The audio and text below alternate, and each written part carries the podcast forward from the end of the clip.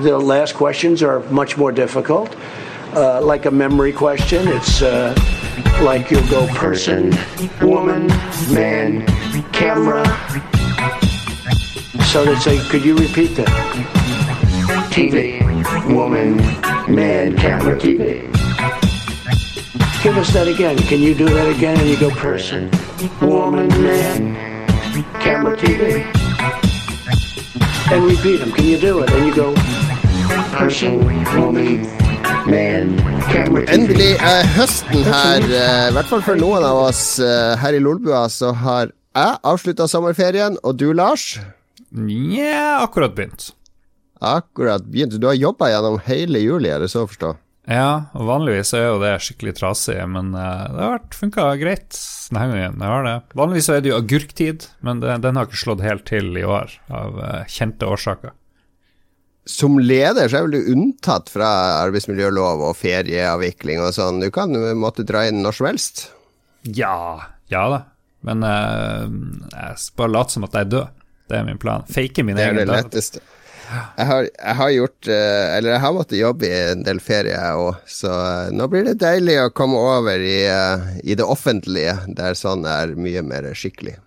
Ja, du skal jo begynne om en måned, 1. september, tror jeg det.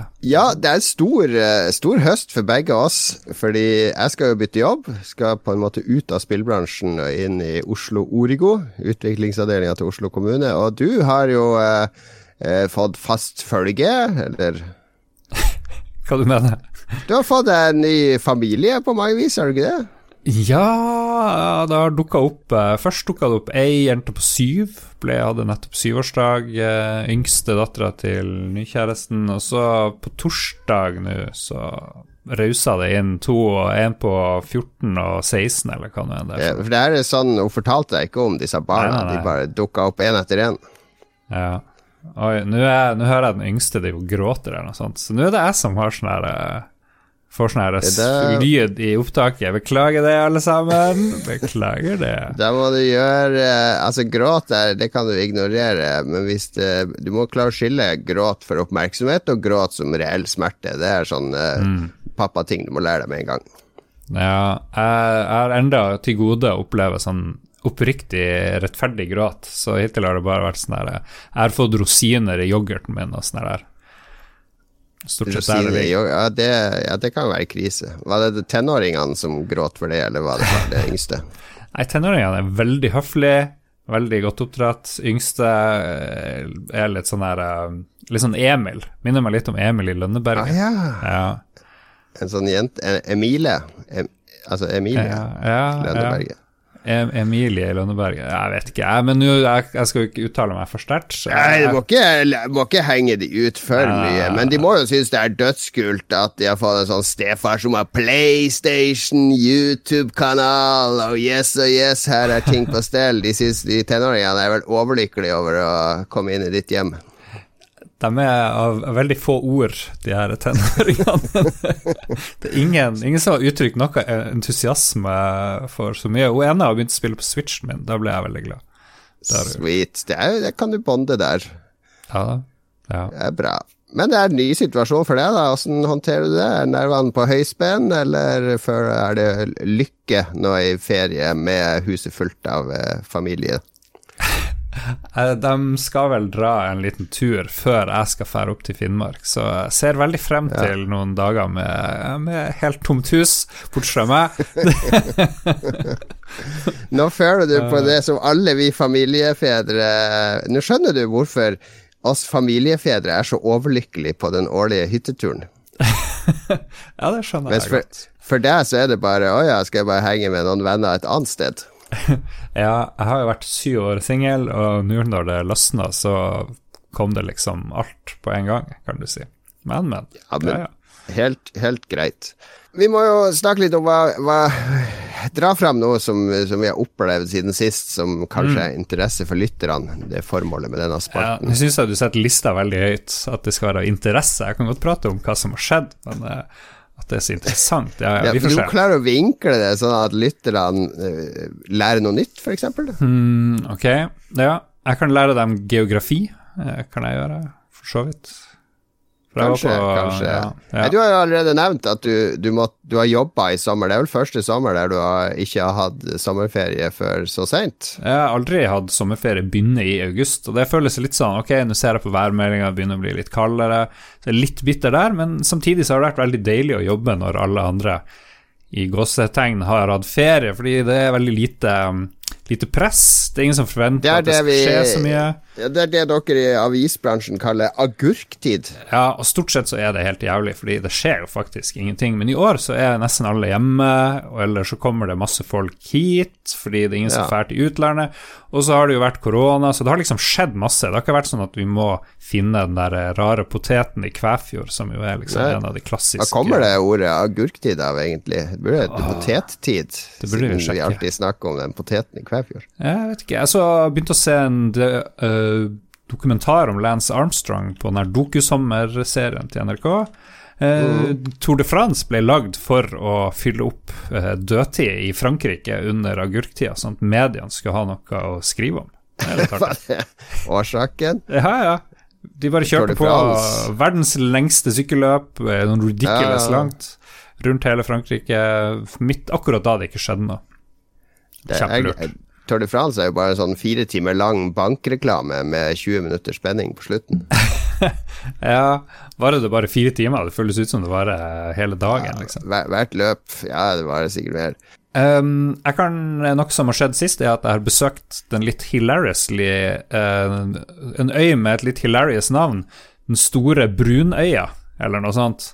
Brunøya? Ja, da tenker jeg egentlig med en gang på Brunøyet, og jeg var på det store Brunøyet osv. Det er en rett Det er en øy mellom Harstad og Grytøya, eller noe sånt, tror jeg det. Ja vel. Er det Ja. relatert til eh, Negerfjell og Negerdalen på Svalbard? Mest er, sannsynlig. at det har vært en sånn skikkelig rasistisk utforsker der borte oppe som bare har kalt alt for eh, Der har vi Brunøya, der har vi Negerfjellet og Jeg tror det var sikkert samme fyren. Men det, det er bare en liten øy, og så var vi på båttur der i går. I sånn her mest idylliske været, blikkstille vann, eh, Ja. sandstrand. Jævlig kaldt i sjøen, men alle for og bada likevel. Og jeg har ikke hatt sandstrandlivet siden jeg og noen var i Filippinene, nei, Thailand, for ett og et halvt år siden. Du lova jo eh, i fjor, når jeg lagde sånn badevideo fra Vestlandet, at du skulle bade innen året var omme. Det gjorde du ikke, så nå regner jeg med at du har benytta anledningen til å spille inn en badepromo. Nei, jeg glemte det. What the fuck? Ja, ja. Du har tre uker ferie nå, så du har flere muligheter. Ja, men det er litt deilig å bade i sånn crazy kald sjø. Eller ikke crazy kald, det er ikke fem grader som det er mye del av året. Kanskje det var 10-15 grader, jeg vet ikke. Mer enn nok. Mer enn nok. Jeg har bada, jeg har bada litt i sommer. Det har jeg. Ja, men det, du, du lever jo den der eh, strand... Sjø... Hva heter det? Svaberglivet mye i sommer, gjør du ikke det? Utnytter du, drar dere mye på sjøen? Det er jo veldig deilig, det er veldig avslappende. Hva kalte du det? Svaberglivet? Ja, ja. Det er ikke så mye svaberg på Vestlandet. Altså, det har vært veldig dårlig vær. Men uh, jo da, vi Altså, det, hytta vi har vært på uh, var elegant overgang til meg der, må jeg si. ja. Vær så god. Du, det er jo uh, Den ligger jo er et ombygd naust. Så, så den ligger jo oppå havet. Så vi bader jo rett fra terrassen på hytta. Eh, der har der er montert en flytebrygge, sikkert ulovlig, men uh, den har vært der i 30 år, så det var før flytebrygge ble ulovlig. Hva heter Altså, lokalavisa? Hvilken lokalavis kan jeg tipse om den ulovlige flytebrygga? Ja, du kan tippe eh, Hva heter den? Sunnhordland? Sunnhordland, ok. Ja. Er det en bra avis? Ja, men så, nå sitter nå eierne av den hytta i styret til den avisen, så det spørs hvor langt det tipset går. Det, det der kjenner du mer til når du som journalist Å, her har jeg en sak, og så redaktøren bare Den legger vi i skuffen, Lars. Den Ja. legger vi i skuffen inntil videre. Ta deg en klunk whisky i stedet. Nei, det blir jo mye bading der, det gjør det. Og vi hadde sånn der balansebrett. Har du prøvd å stå på sånn? Så det er et stort surfebrett. Eh, der man skal ha en sånn padleåre. Og så skal Nei. du stå på den, og så gjøre fart. Er det et balansebrett? Du kalte det et balansebrett, er det ikke det? Ja, jeg føler det, fordi det eneste det handler om, er jo å holde balansen. Det heter sikkert noe andre Det heter sikkert noe sånn fancy Det, er jo, det handler jo mye om å holde bare balansen og gå på ski og stå på skateboard og sånn. Vi kaller det jo ikke balansebrett, for det. Liksom. Ja, det er ikke wake surfboard eller et eller annet sånn idiotisk heter det. Jeg okay. kaller det bare for balansebrettet. Og du har gjort det her? Ja, ja, ja. Jeg begynner å få teke på det. Du får skikkelig god fart på det, så det har jeg gjort. Men det har jeg gjort aller mest i sommer, som jeg tenker er mest interessant for lytterne. Jeg har sett uh, min svigermor, som jo også er, er der på den uh, hytta. Hun elsker jo krim, og vanligvis Vi drar jo på den hytta hver påske, og da er det alltid påskekrim, så det er sånn tradisjon å se det. Eh, og, men så nå var vi der tre uker nesten i sommer, så da endte vi opp med å se sånn krim nesten hver kveld. Eh, som jo passa veldig bra, fordi det var krimsommer på NRK. Ja, det å se film sent på kveld etter at barna har lagt seg, det har jeg fått ny respekt for uh, nå, faktisk. Det er det. For da er du, du er for sliten, du gidder ikke å gjøre noe. Bare øh, vi ligger på sofaen og konsumerer et eller annet. Ja, ja, ja. ja. Man, kan, man kan prøve Altså, jeg har gitt opp å forklare sånne barnløse folk om hvordan virkeligheten er med barn, fordi det er ingen som forstår det når du sier det. Du må oppleve det, så det er bra. Men dette er ikke film. Dette er For det meste har vi sett sånne serier som NRK har hatt. Eh, serier som White House Farm og Fatale familiebånd og Mordene på solkysten. Og eh, det er eh, Jeg vet ikke. Eh, Leser du noe krim, eller ser du noe krim i det hele tatt? Ja, det er jo Bosch og ser jo noe krim på TV. Ja, ja, ja. Ja. Gjør det. Nei, fordi det er Jeg er veldig glad i konseptet i krim. Altså Hver gang vi skal begynne på en ny krimserie, så bare Yes! Dette blir bra. Uh, og så er det så mange ting som ødelegger for meg i krim. For eksempel en White House Farm. Den er basert på sånn ekte historie. Det er sånn Orderud-sak ja. som de har gjenskapt med ekte skuespillere. Ekte skuespillere. Jeg hater falske skuespillere. Det, det er dårlig. Funny. You're funny guy. Uh, men det, det er sånn, det ødelegger mye for meg, fordi da vet jeg at det er ikke noe sånn intrikat Agatha Christie-plott. Da er det alltid en sånn der eh, litt forstyrra sønn eller, eller far eller noe sånt som har drept familien eller står bak. Altså det, det er alltid det mest åpenbare mistenkte, for det er det jo i virkeligheten. Så da, da, da, da mister jeg interessen. Og så er det en som heter Fatale familiebånd. Uh, og den er sånn smart BBC har blitt så utrolig smart når de skal lage serier nå. De skal være litt sånn snarky smart, ikke sant? Det begynte med den her Sherlock Holmes-serien, som er altfor smart for sitt eget beste. Det skal være sånn Å, det, vi er så edgy i manus og alt mulig sånn. De skal briljere med sin, eh, sine intellektuelle krumspring. Ja, jeg likte det. Skjønner du Jeg må innrømme at jeg likte litt uh, Sherlock, da. Ja, jeg gjorde det òg, men nå prøver de å gjøre det i så mange andre serier òg. Den fatale familiebåndet også sånn at det, det bygges opp mot noe, som du skjønner at her skal de dra teppet under det. Så, så den ble jeg også litt provosert av. Og den, men det verste var likevel mordene på solkysten, for da hadde vi begynt å skrape i bunnen av krimbøtta til NRK. Og det er en finsk-spansk samproduksjon-serie. Der en finsk etterforsker må hjelpe noen spanske politidetektiver med å løse masse mord i det finske narkomiljøet på solkysten. Jeg liker de her navnene. Fatale familiebånd og mordene på solkysten. Det, ja. Hvordan, hvordan amerikanske serier burde ha norske navn? Jeg tenker Sopranos kunne jo hete Fatale familiebånd eh, også, egentlig. Veldig mye Ja, kunne hete. Ja, egentlig. Nei, så jeg blir skuffa av alle de europeiske krimene, egentlig. Den er- beste vi så, var Defending Jacob, som ligger på Apple TV Pluss, som eh, han eh, den norske Morten Tyldum har uh, regissert og laga TV-serie av.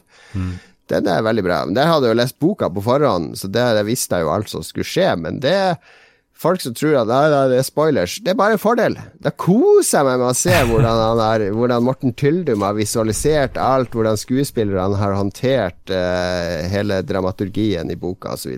Mm. Hva du kalte den? Den har du ikke skrevet opp, nemlig i skjemaet. Defending Jacob heter den. Det handler om en, eh, en advokat eh, og hans kone som har en sønn på 14 år, eh, der en klassekamerat blir drept, knivdrept, rett utenfor skolen, og så blir sønnen da anklaga for dette mordet. Ja. Jeg har, jeg, har, jeg har ikke hatt ordentlig sommerferie, men for å chille litt på kveldene, så har jeg og dama sett Siden vi snakka om TV-serier, så har jeg sett The I-Land. The I-Land. Og den er så dårlig, den er så provoserende dårlig at jeg nesten får lyst til å anbefale den. Den er på Netflix, og det ligner på Hunger Games slash oh, yeah. uh, Lost. Og det virker som om noen pornofilmprodusenter eller noe sånt har laga den, fordi dialogen er, er liksom der, på et vis.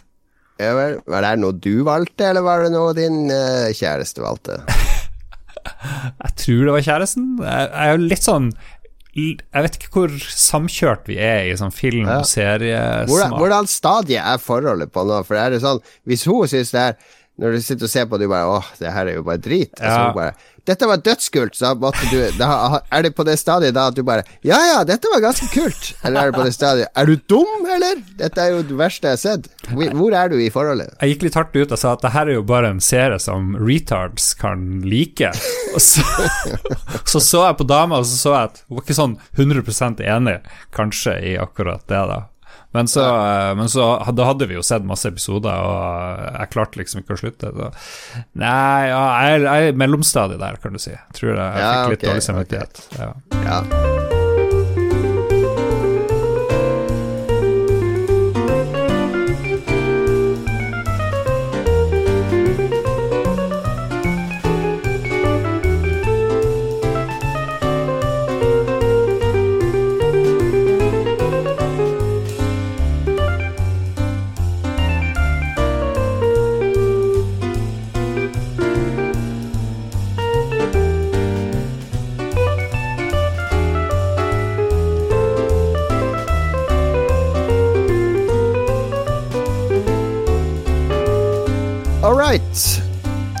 Joe.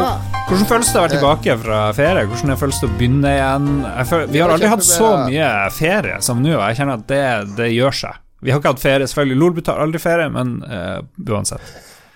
Kjempebra. Det føles helt topp, fordi uh, jeg har masse overskudd energi. Og så er det jo noe med å Selv om jeg er veldig glad i å jobbe i Krillbite, og vært i Krillbite, så er det jo noe med det å avslutte et arbeidsforhold, det å si opp, er jo eh, Det er en veldig deilig følelse, fordi at da da har du en sånn taskliste, alt det må jeg avslutte, og så er jeg ferdig.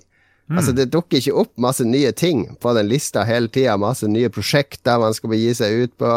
Eh, det, er ikke det er ikke et monster du skal mate hele tida. Ja. Det er bare sånn Det går mot en slutt, og det, det å vite at det går mot en slutt, selv om man, det er en jobb man liker jeg er jo kjempespent på den nye jobben. Kan bli et helvete. Tenk om det er helt forferdelig, den nye jobben din. Ja, nei, jeg, jeg tror jo ikke det. Jeg har møtt flere av de jeg skal jobbe med. Det som jeg tror blir mest utfordrende, er jo at det er fortsatt korona, så jeg tror det er mye hjemmekontor. Uh, så det blir nok utfordrende å komme inn i det og bli kjent med alle når folk sitter spredd og ja. Ja. Det er jo en slags un unntakstilstand på mange arbeidsplasser. Det er bare å sende lenke til alle Lolbo-episodene til dine nye ansatte, så blir de jo fort kjent med det. Ja, men det er jo et problem med Lolbo, er jo når vi møter lyttere, så de føler jo at de kjenner oss inn og ut. Altså, vi vet jo ingenting om de. Ja, det Er ikke det litt ubehagelig? Og så snakker de om, eh, eh, når du, om tannlegen din og sånne ting. Dere, dere har sånne De har felles referanser med oss, men vi har ikke det tilbake. Jo, men jeg føler at jeg kjenner dem, fordi jeg tenker de er litt lik. De har litt samme smak som oss på veldig mye, tenker jeg. Ja. Ja, så jeg føler at jeg kjenner dem litt eh, likevel. Så du er jo mer sånn her eh, primadonna, ikke sant. Du vil ikke være sånn som alle andre. Du, du, du klarer ikke å identifisere deg med lytterne, for du er helt unik, ikke sant. Det, det er av der, kanskje. Er det din tolking av meg? ja. Ja, jeg klarer, etter no, litt alkohol så klarer jeg å identifisere meg, men jeg, jeg blir veldig Jeg blir veldig satt ut av at folk kjenner meg uten at jeg kjenner de. Mm. ja. Jeg har okay. en intimsfære som det er bare noen få som slipper inn i. Ok, Sånn er det bare. Men det. eh, jeg slipper inn masse dataspill i min intimsfære, og i stedet for å se råtne TV-serier Du har vel også rukket å spille litt spill, Lars? Ja da, ja da. Jeg, jeg tror jeg måtte sagt opp her hvis ikke jeg hadde spilt noe spill. Jeg har faktisk spilt spill med de her ungene, eller hun yngste, har jeg hørt. Ja. Mm. Det er bra. Vi kan jo snakke om det vi begge har spilt, som i hvert fall for meg har vært spillhøydepunktet i sommer, og det er jo Ghost of Tsushima. eh, dette spillet til Sucker Punch på Mm. PlayStation 4. Samme her, uh, høydepunktet. Det jeg har spilt desidert mest. Men uh, jeg, vi har litt annerledes oppfatning, kanskje. Ikke veldig, men litt. Nei. Vi kan jo si altså, De fleste lytterne vet kanskje hva det er, men det er jo et spill som liksom foregår på 1100-1200-tallet i Japan, på øya Tsushima, som ligger mellom Japan og Korea. Der mongolene har prøvd å invadere Jeg tror de har prøvd seg flere ganger. Og da går de gjennom den øya, da, fordi den er liksom sånn naturlig landingspunkt på vei til Japan. Ja. Eh, og, og sånn, bortsett fra akkurat den fundamentet, så har de vel tatt seg en del friheter. Jo da, de har jo det, og det, det jeg syns er rart med mongolere som fiender, er at Eller det er sikkert fint, fordi mongolerne er jo litt sånn innlemma i Kina, de har sikkert ikke så mye de skulle sagt. vent da. Heter det mongolere? Heter det ikke bare mongoler? Mongoer. Mongoler? Mongol... Mongoler Det er mongol... Det er ikke mongo... Mongolen Ok, Kan du bøye en mongol? det er mongol... Mongolen. Flere mongoler. Flere mongolene. Ja, ok. Ja, ok. Japan. Ja, ja. Så det, kanskje vi skal ta det helt på nytt? Vi tar det helt på nytt. Hele det der. ja, ja Mongola-invasjon, og, og derifra har de vel Deretter har de vel tatt seg litt friheter, Lars. Ja, de har det. De har jo sagt sjøl at de har konferert med noen historikere eh, som kan japansk historie, og så har de bare fått råd om at eh, ikke, ikke prøv å liksom gjøre noe seriøst med historien til Japan, for det kan bli, det kan bli helt feil. Så da har de styrt unna det, da. Ja, men, uh, men det handler vel mer om at de er veldig nøye i det visuelle materialet, altså uh, Jo, jo. Hvordan bygninger ser ut, og litt klesdrakter. Og her er det jo Det er det jeg mente at de har tatt seg litt frihet der, for de bruker liksom rustninger og klesdrakter og sånn fra 1500- og 1600-tallet, har jeg sett noen har lest. Og det, er- det, er, liksom- det er liksom blanding av japanske mytologier oppi en sånn lapskaus av det som for meg virker som et eneste stort kjærlighetsbrev til uh, eh, kanskje ikke den japanske historien eller japanske kulturen, men hvordan denne kulturen har blitt uh, presentert i moderne tid. Altså via Ja. anime, manga, kurosawa og samuraifilmer osv. Men det med historie og sånt, det, det, det leste jeg fra utviklerne, så de, de torde liksom ikke gi seg i kast med ekte japansk historie, men de har havna i problemer likevel. Polygon har en ganske interessant eh, artikkel som jeg sendte lenke til deg med. Skal vi se hva han het, han der eh, fyren. Skal vi se. Ja, men vent nå, Hva mener du Ja. med at de har havna i problemer? Er det sånn Japanese Society i USA som har saksøkt de? Det vil jeg si er et problem. Eller er det én kommentator som har skrevet en kommentar om hvordan eh, Ja, dette ble jeg støtt av. Ok, la meg, la meg forklare det. det, det jeg For da må du legge av deg nyhetsredaktørhatten din, der får- enhver kritikk av Mm. noe er raser mot Raser mot! Raser mot spill! Raser mot dette spillet! For det er ikke det han gjør. Problem. Jeg tar, jeg tar og, og går tilbake til eh, utgangspunktet, som er en som heter Kazuma Hashimoto, som har skrevet for Polygon. Da. Og han okay. sier jo at eh, måten de har løst det, det her spillet på, er, er kanskje er for han eh, litt problematisk. Nå prøver jeg å ikke være tabloid her, jeg tar til meg kritikken fra sør. Um, fordi de hyller jo den Bushido-kodeksen til samuraier der spillet. Det handler jo om den siste samuraien i Tsushima, omtrent. Eh, det er utgangspunktet, i hvert fall. Han er den siste gjenlevende etter et stort slag etter at mongolerne invaderer i starten.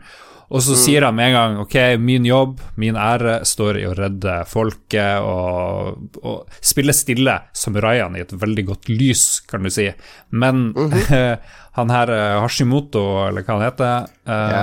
Hashimoto Jeg lar deg fortsette å si han her, selv om det er en dame. Er det ei dame? jeg Bare, jeg skal jeg bare avklære din researcher. Er det ei dame? Ja, ok, det Hashimoto, dame. eh, Greit. en kvinne. Greit. Ja vel, det er greit. Det er nå lov å ta feil. Jeg kan jo ikke navnet på alle i ja, ja, Japan. ja, ja, ja, ja, ja, ja. Ok, ok. Ja. Kan jeg få lov å fullføre Ja, jeg hører. ting her? lytte. lytte. Ja.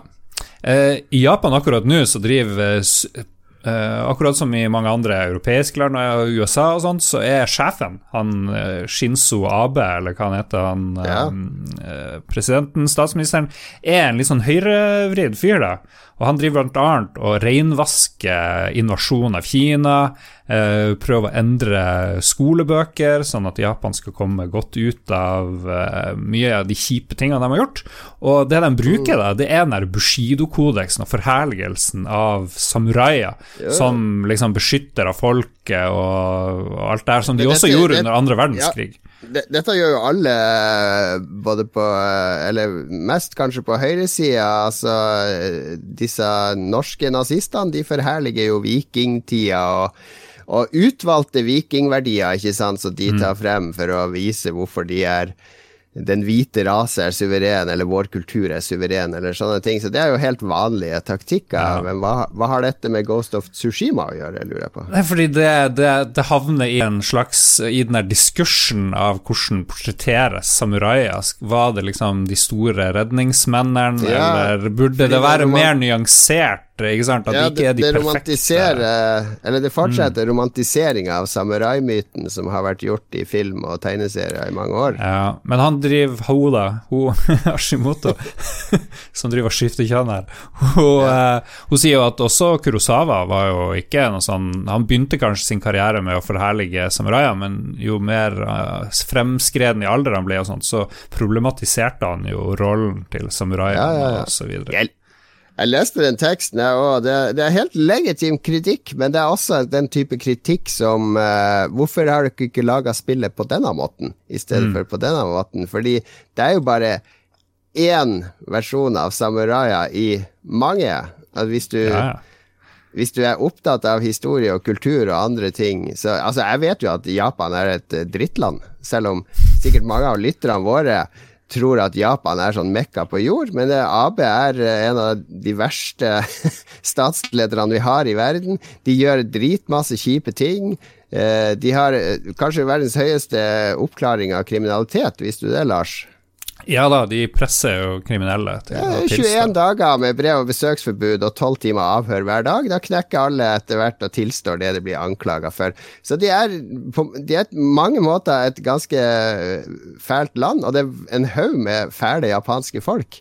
Som, eh, som, har rasistiske holdninger, og som eh, fornekter historien sin og sånn. Ja. Men mitt poeng her er jo bare å nyansere det her, og, og sette spillet i en mer kontekst, eh, annet enn bare som et spill. For det syns jeg er interessant. Ja, men det gjør jo jeg òg når jeg spiller spill, og jeg mener jo at vi kan eh, De gode spillene er jo de som vi tar inn i livene våre og lar oss påvirke av. Og min reise med gin, uansett om han er problematisk fremstilt som en perfekt samurai. Han er jo heller ikke det, fordi han hele tida skal balansere mellom denne æreskodeksen av snikmyrder mm. eh, baksida.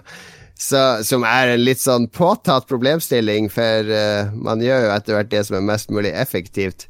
Men min reise i denne verden gjør at jeg får uh, Jeg vet ikke, jeg, jeg, liker at alle disse karakterene du møter, alle er uh, så lite høylytt. Altså, verden er sånn lavmælt og subtilt presentert.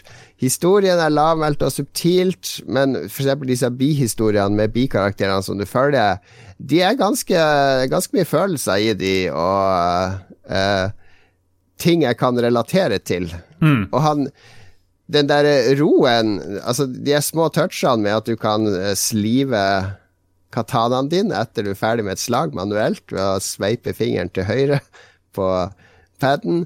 Det er liksom en sånn verdig avslutning. Det er et spill med masse verdighet i seg, føler jeg. Uh, og de, de, går for at den æreskodeksen og at eh, den, det æresystemet og den verdigheten som man hadde i dette brutale kastesystemet som var japansk historie, det kan være noe vi kan hente i vår hverdag som kan gjøre oss til bedre mennesker. Altså, jo, ja. Spillet fikk meg til å føler at jeg har lyst til å gå ut i skogen og meditere om jeg ikke kommer til å skrive, skrive haiku, sånn som Jin gjør når han sitter ved fossen og ser på trærne, så kan jeg i hvert fall prøve å nyte omgivelsene og øyeblikket mer. For det er det spillet handler masse om for meg, er disse når du stopper opp og bare nyter tilstedeværelsen og øyeblikkene. Mm. Det, jeg gjør jo det i fotomode hele tida. Ja, ja, ja.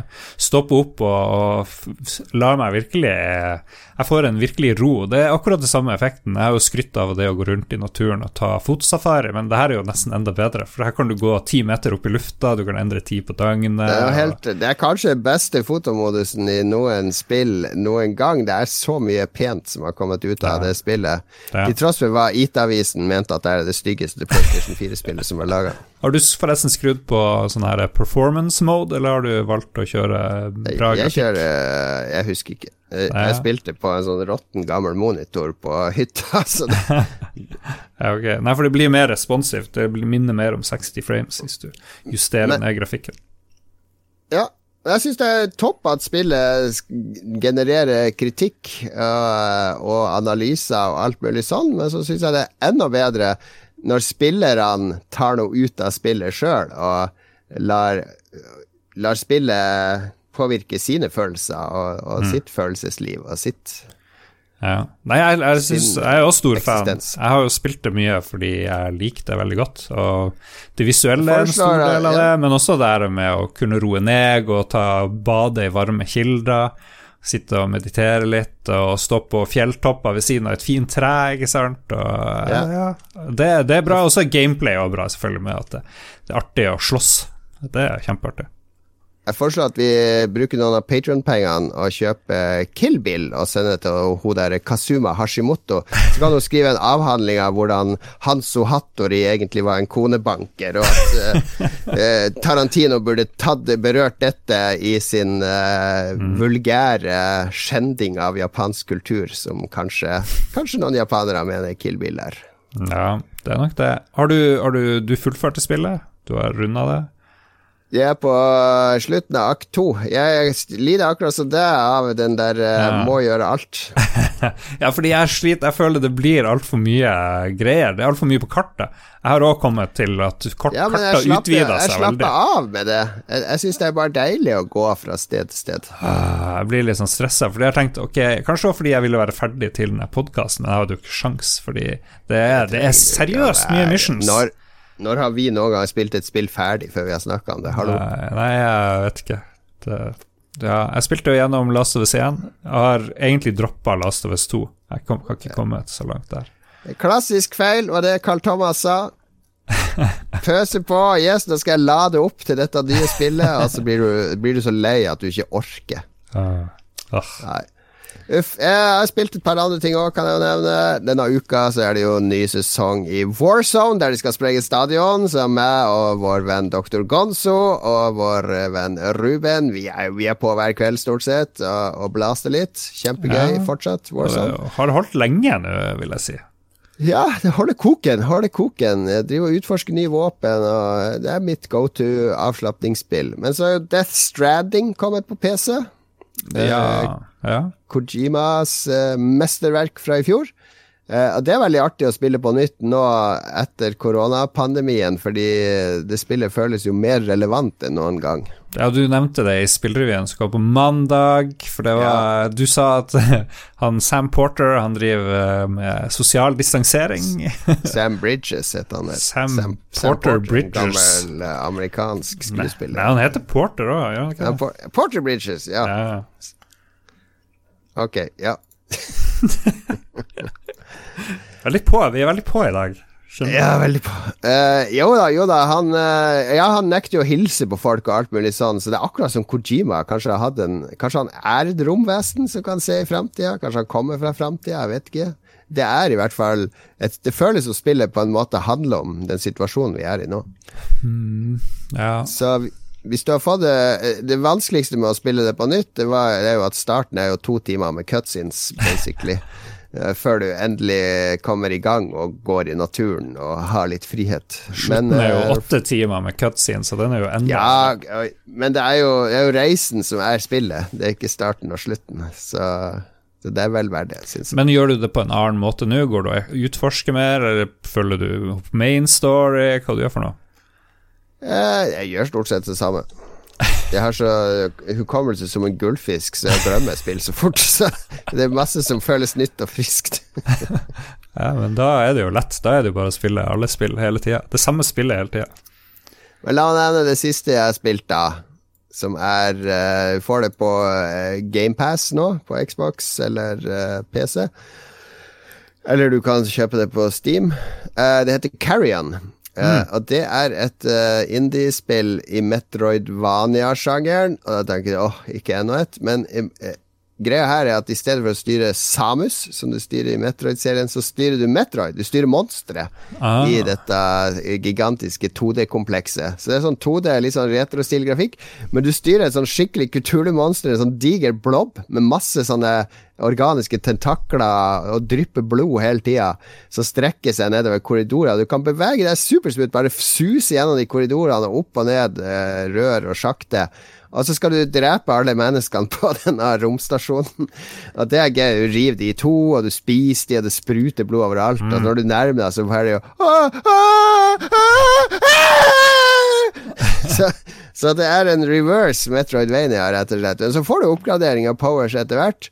Supersmooth. Uh, jeg har ikke spilt det ferdig, jeg hører det tar sånn tre-fire timer å spille, som er perfekt for folk som oss, Lars. Mm. Så jeg vil absolutt anbefale deg å sjekke ut Carrion. Det, det, ga- det gleder jeg meg til å spille videre. Er det noe at du sniker, eller er det mer eh, at du bare Er det rett frem slåssing? Hvordan Ja, du får det i sånn web, så du kan skyte en sånn tentakel etter hvert, og så kan du Må du løse Det er puzzle-solving med å få opp dører og litt sånne ting. Så jeg har ikke Jeg har bare spilt i 45 minutter, men det eh, det blir kanskje ikke superkomplisert, sånn som sånne spill kan bli, men eh, det er deilig, det òg. Litt sånn rett fram. Eh, Mm. Du føler deg som monsteret i The Thing, rett og slett, som bare suser rundt på denne stasjonen og dreper folk. Blir du et ondt menneske av, av spillet? Du gjør jo totalt umoralske ting hele tida, høres det ut som. Ja, Jeg vil tro man blir et bedre menneske. Ja, ok.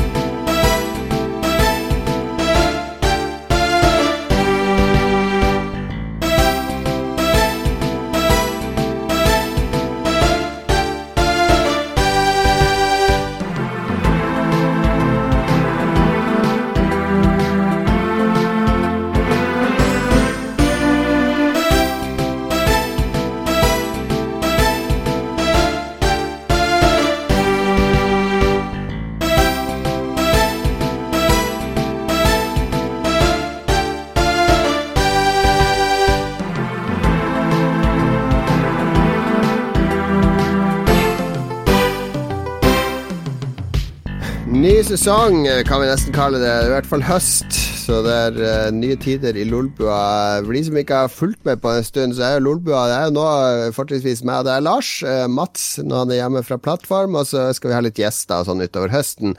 Og så har vi en sidepodkast som heter Rage Quit.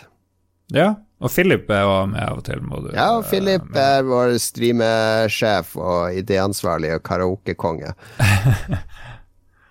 Hva du spurte om? Altså, Spurte Ja, vi har, jeg, jeg skulle nå Jeg skulle bare rydde opp for nye lyttere. At, Ja, ja, at de som trodde at de skulle være med Ståle og alle her i Lolbua, men de har vi fått sin egen podkast som heter Ragequit, som går så det suser, ettersom Ja, ja. jeg har sett. Ja, de er mer populære enn oss, eh, virker det som. Ja, ja, de prater mye mer om sånn revning og litt sånn ekle ting. Ja, ja. Men jeg tror Ståle driver og blir litt stormannsgal uh, inni der. Jeg fått inntrykk av, fordi jo Kristian er der, han får ikke lov å si noe som helst. Hver gang Fordi Ståle liker Dag Thomas best, er min tolkning. Og så ja. hver gang Kristian sier noe, så er det som han der Donny i uh, Big Lebowski. Du har liksom The Big Lebowski Shut the fuck up, Kristian! ja. Vi er der. Så det, det blir interessant å se, men det er veldig morsomt. Det er det. Ja.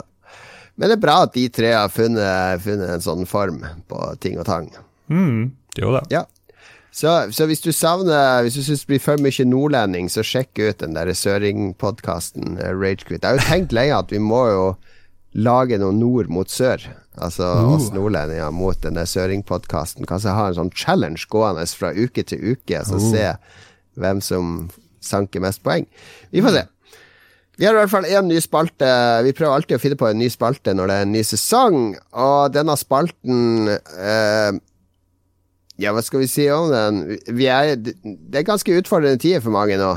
Ja, skal vi eh, Vi har jo allerede prøvd å gjøre livet bedre til lytterne ved å gi dem ukas anbefaling, som har vært en stor hit, blitt kopiert av eh, Level Up, eh, den største spillpodkasten Ja, ja, ja. i Norge. Så nå har vi enda en ting de kan kopiere. Er nemlig hva gleder vi oss til? Eh, og dette er noe jeg har vært motstander av før, for jeg har alltid vært av den filosofien at du trenger ikke å gå og glede deg til filmer eller spill, fordi det er så mye bra filmer du ikke har sett fra 50-, 60-, 70-, 80-tallet. Eh, det er så mye bra spill du har gått glipp av, indiespill og sånn, så slutt å glede deg til ting. Men det er korona, ikke sant, og mange har det ganske kjipt. Eh, mye vi tar for gitt, f.eks. eksempel det å kunne klemme noen. Du har jo noen du kan klemme og ta på nå, men det er folk som har vært så å si uten hudkontakt siden mars. Ja.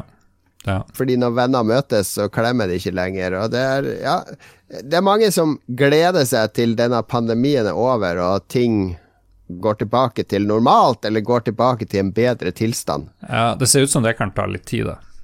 Det kan ta litt tid, men derfor tenker vi at det er helt legitimt å glede seg til ting. Og da har vi laga en ny spalte der jeg og du skal dele ting vi gleder oss til, som kanskje andre også gleder seg til. Ja, veldig bra. Ja, veldig bra. Da, da kan jeg ta min Jeg gleder meg til veldig materialistisk som vanlig, jeg, da. Eh, jeg tror du er enda mer materialistisk når jeg ser på sendeskjemaet. Ja. Nei, det jeg gleder meg Vet du hva jeg gjør nå hver morgen? Nå, nå har jeg et sånn treningsprogram på gang, for jeg må gå ned i vekt, bli i bedre form. Så jeg står jo opp halv seks, og så løper jeg, og så dusjer jeg. Og så har jeg gjerne en time nå før jeg skal på jobb. Vet du hva jeg bruker en time til? Uh, jeg kan, hvis jeg gjetter helt tilfeldig, at du ser video av Flight Simulator 2020 Jeg går på YouTube, og så sjekker jeg Har det dukka opp noen nye Flight Simulator 2020-videoer siden i går, når jeg la meg. Fordi det siste jeg gjør før jeg legger meg, er også å sjekke Har det kommet noen nye Flight Simulator 2020-videoer. Og det gjør jeg også i lunsjen. Har det kommet noen nye Flight Simulator 2020-videoer? Fordi jeg er blitt helt besatt av Flight Simulator 2020. Det er, jo, det er jo litt rart. Du er ikke kjent som Flight Simulator-mann. Du liker Elite Dangerous, å fly rundt med sånn Hotas, eh, vet jeg. Ja. Eh, ikke så mye annet som minner om det. Ja, Eurotruck Simulator, kanskje, har du spilt? Nei, jeg kan røpe at i, på Commodore 64 og Amiga så spilte jeg ekstremt mye Gunship, som var et sånn helikoptersimulatorspill fra Microprose. Det er et av mine favorittspill, faktisk. Og jeg var egentlig veldig opptatt av simulatorer. Jeg spilte F17 Stelt-simulator fra Microprose. Og jeg spilte mye uh, Hva heter det på Amiga? Interceptor. F18 Interceptor. Ja, ja, ja. Uh, og så Jeg kjøpte til og med et spill som heter A320 Airbus på Amiga, der du basically skal fly disse svære passasjerflyene fra flyplasser rundt i Europa. Og eh, i eska så kom det jo med 20 sånne flykart med alle radiotårn og frekvenser og, og eh, radarretninger og sånn, så du måtte plotte ruta di mellom disse tårnene på et stykke papir, og så slo du på Amigaen og spilte Prøvde å fly den ruta på Amigaen. Så jeg har vært ganske flight simulator interessert, eh, men så har det dabba litt av, eh, fordi Ja, hele sjangeren fikk jo en knekk etter 9-11, gjorde det ikke det? Da dabba det veldig av med flysimulator. uh, Ja, det har vært mye hjemmelaga. Altså det som fla- og så har det også vært sånn at når man begynte å stille litt krav til grafikken, så så de flysimulatorene så kjipe ut. For det var liksom Ja, dette denne store ensfarga grønne greia her, det er bakken. Altså den trekanten der er et fjell. Så at jeg fikk ikke den innlevelsen jeg trengte. Det har alltid handla litt om innlevelse for meg. Ja. Bruker de AI nå, eller hva de bruker for å tegne kartene? For de ser jo, eller bakken, for det ser jo helt vilt ut. Det Ja, for det som er i Flight Simulator 2020, er jo Microsoft, Microsoft lagde jo det Flight X, eller hva det het, som kom for noen år siden. Og Da var det ingen modding og sånn, og det så bra ut, men det var, var ikke noe Det mangla så mye i den flyopplevelsen. Så med dette nye spillet, så er det et, et firma som har laga det fordi Som har brukt all kartdata fra Bing, fordi Bing er en karttjeneste akkurat som Google Maps, som har satellitter som har skanna jorda veldig, veldig nøyaktig. Altså ved hjelp av cloud. Og nå endelig eh, Vår venn Magnus har gått i alle år og snakka om ah, cloud det cloud-greiene kommer til å enhance spill og AI i spill og sånn. Så ja, whatever. Men nå så ligger det jo mange, mange, mange terabytes med kartdata, satellittdata, oppdatert på en server, som da lastes ned mens du spiller. Ja. Så hvis jeg skal fly opp i Harstad, så laster jeg ned all Bing-data fra Hinnøya og området rundt. Og så begynner jeg å fly. Og så hvis jeg da flyr opp mot Tromsø, så bare henter han ned fortløpende fra nettet og, og putter i spillet. Så har du algoritmer da som tar disse 2D satellittimagene og genererer hus og, og, bygninger og trær og landskap basert på uh, kompliserte algoritmer. Ja. Og på de beste stedene i det spillet så ser det jo helt insane ut. Ja. Har du sett de klippene? Når de Ja, jo, jo. Ja, ja, ja. Jeg har sett, jeg har sett. Men jeg er litt interessert Jeg vet ikke om jeg har sett når de er helt nede ved bakken, liksom, hvor ekte det ser ut. Men, eh, men kan man fly over eh, militærinstallasjoner og se i Russland på atomubåter? Ja, der kommer journalisten i det fram, skjønner jeg. For det- dette har journalister spurt om allerede. Og måten de har løst det på med disse eh, forbudte sonene, er at de bare er erstatta med skau. Eller naturstein. Så de er ikke der. Ja, kjedelig. Eh, ja, og det er ikke Det er jo sikkert en del sånne steder, men de finner du ikke der. Men du, det er en video der noen flyr over Nord-Korea. Hele Nord-Korea er der. eh, Hele den hovedstaden, Yuan Ping, eller hva den heter. Jeg husker ikke. Kan ikke geografi. Det er ei dame. Det er ei dame. Men eh, Rune Fjell Olsen er vel kanskje den eneste i Norge som har tilgang. Han er jo ikke interessert i flysimulator, så det er jo perla for svin, spør du meg, da. Men det ligger på Level Up-cast, den forrige som er ute på YouTube, så har han filma når han flyr over Moss. Så, og det ser bra ut, altså. Så jeg, vet du hva, jeg gleder meg så mye til den 18. august, når jeg skal sette meg i Cessnaen, ta av fra Evenes. Skal jeg fly forbi over Tjeldsundbrua? Jeg tør ikke å fly under første gangen. Jeg kan fly over Tjeldsundbrua. Følge kystlinja nedover, forbi Stangnes, eh, forbi Gangstadstoppen, litt ut mot havet. Og så skal jeg snu flyet og så kjøre inn mot Harstad. Og rett oppover mot Heggenveien. Kjøre over huset ditt, Lars.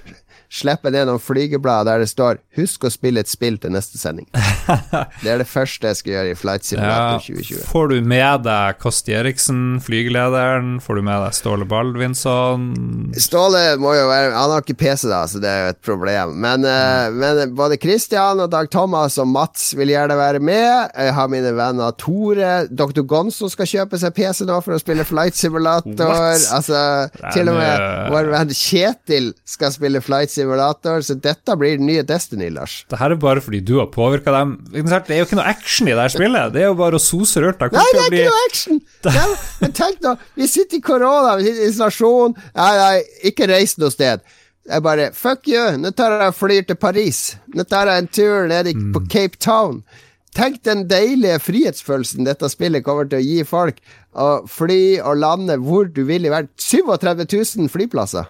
Jeg venter på noen mods her, altså. Jeg likte jo F-19 Steltfighter, eh, som jeg spilte på Commodore 64, Du tror jeg skal bombe og drepe. Du gidder Ja, ikke hvis du ikke får bombe og Ja, men drepe. Det var litt sånn likt, fordi du kunne velge å fly realtime. ikke sant? Fly fra Banak og inn i Russland, og så måtte du Ja, unngå radar. og Det Og var fly fra Banak her òg. Vi kan leke, leke alle disse tingene. For det, jeg skal jo tenkt å streame det her en del. Jeg håper du blir med som passasjer et par ganger.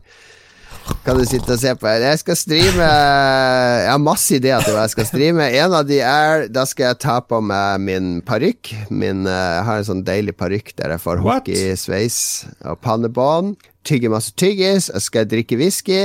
Og så skal jeg fly fra Colombia til eh, Miami med et lite fly fullt av kokain. Skal fly lavt nede i Miami, slippe pakken ut, lande i skjul på en eh, flyplass litt nord for Miami. Skal kjøre, jeg skal kjøre den klassiske smuglerruta til de gamle kokainsmuglerne. Alle, masse sånne scenarioer du kan finne på, og det skal jeg streame. Jeg gleder meg til å streame der. Jeg tror, jeg tror det høres ut som Modda er på sin plass her. Men jeg gleder meg, jeg skal følge med litt. Men nå må jeg gidde å liksom se time ut og time inn. Men det fins jo eh, En av våre gode venner, Torbjørn, har en bror som er sånn her eh, megaflysimulator-nerd. Han lager cockpit og alt det der. Ja, han, han er sikkert Det er stor splittelse i flysimulatormiljøet nå, vet du. Oh, okay. Ja, for du, har et sånn her, eh, litt sånn hjemla flysimulator som alle har spilt de siste år, årene, som heter X-Plane eller noe sånt. Eh, som ser ok ut, men den er liksom laga sånn at eh, den er, koster ikke så mye. Men å ja, du vil fly fra den flyplassen? Ja, det er 20 dollar, for det, det er vi som har laga Vi som sitter her i Kvæfjord. En liten gruppe entusiaster. Å, du vil ha det flyet? Ja, det er 50 dollar. Så folk har jo investert sånn her 10 20 30 000 kroner i det spillet. For, fly, for, for å få gode flyopplevelser. Så det er jo stor splittelse nå med disse som er så investert i det spillet, som bare å, Jeg tør ikke å melde overgang, fordi jeg, hele min investering er jo i X-Plane. Men uh, det jeg tenkte på, det var blir, du å, blir det her å gro uh, farlig stort? Skal du lage et helt rom med cockpit og sånne ting? Du må Synne, dama di, komme med sånne brett og servere deg lunsj i cockpit. Ja, det er jo min drøm. Nå har jeg jo jeg har tatt meg den frihet og brukt litt uh, Patrion-penger på å bestille en sånn yoke og pedaler, så jeg skal få den komplette opplevelsen. Ikke Ja. av de der dyre med force feedback til 30 000, men av de billigere. Mm, uh, men drømmen min er Det er dine ord. Men drømmen min er jo at jeg skal sitte i full kapteinsuniform og streame, og så skal min kone komme i sånn flyvertinneuniform med dette brettet med rundstykke og kaffe, og, og så er det Jeg forestiller meg at det alltid er sånn flørtende tone i den cockpiten. Sånn, Å, ja, der kommer de, ja, Andersen. Og, ja. Andersen Andersen kommer inn med lunsj. oh, frøken Andersen, vet du. Ok, En hva med slanger? Ungene dine burde jo kaste Å, det har slanger du enda et streamescenario, vet du. Ungene Ja, kan komme inn med gummislagene sine og så kaste på meg. Snakes on a plane-streamen. Mm. Dette blir, dette blir føljetongen nå i høst. oh, ja vel, der skulle vi egentlig tatt eh, pause, men jeg skal komme med skuffende ting jeg gleder meg til. Jeg føler at du yeah. vant. Du har vunnet allerede hva vi gleder oss til, spalten. Ja, jeg gleder meg så mye at jeg, jeg har aldri gleda meg så mye til et spill. Jeg kan ikke huske sist jeg gleda meg så mye til et spill. Jeg tror jeg er på 20 år tilbake i tid, eller noe sånt. Tenk hvor fallhøyden er stor her, da. Jeg, vil, jeg er redd for å glede meg så mye. Tenk hvis jeg blir skuffa. Det er litt trist Ja, og, og jeg sånn. kan Ja. godt hende. Jeg gleder meg jo veldig til å dra på bilferie, for det har ikke jeg gjort med noen egentlig sånn ordentlig. Og det er jo det som står klart nå. Vi skal fære opp til Finnmark, vi skal kanskje fære litt innom Finland, vi skal kanskje fære til Øst-Finnmark osv. Bare kjøre rundt, være sånn som alle andre glad, i. Norge i dag. Jeg blir så glad Ja, at du kaller det for bilferie, og ikke Ja. alle sånne eh, folk fra Østlandet, de, hvis de skal på bilferie, så Ja, vi skal på roadtrip. Ja Det er ikke noe roadtrip, det er en bilferie. Du Mm. sier det som det er, det liker jeg. Er, nei, hvis jeg drar til USA, da er det roadtrip, men i Norge da er det bilferie, vil jeg si. Helt riktig. Ja. Nei, så det, jeg, tar, jeg tar alle gode tips. Hvis lyttere har noen gode tips på hvor man bør fære i Nord-Norge Først og fremst Finnmark, tror jeg. Kautokeino er jo nesten like stort som Danmark, ikke sant? så vi kan jo surre veldig Ja, ja. mye der. Litt skeptisk, fordi kjæresten er veldig glad i å gå ute. Hun har egen lavvo som kan brettes ned og tas med hit og dit. Hun elsker å plukke multebær, og det, jeg har sett bildene. Det er så mye mygg og flue oppe i Finnmark nå. Harstad er jo sånn paradis når det gjelder insekter. Det er jo nesten ingenting her. Ja, Finnmark er jo ulevelig.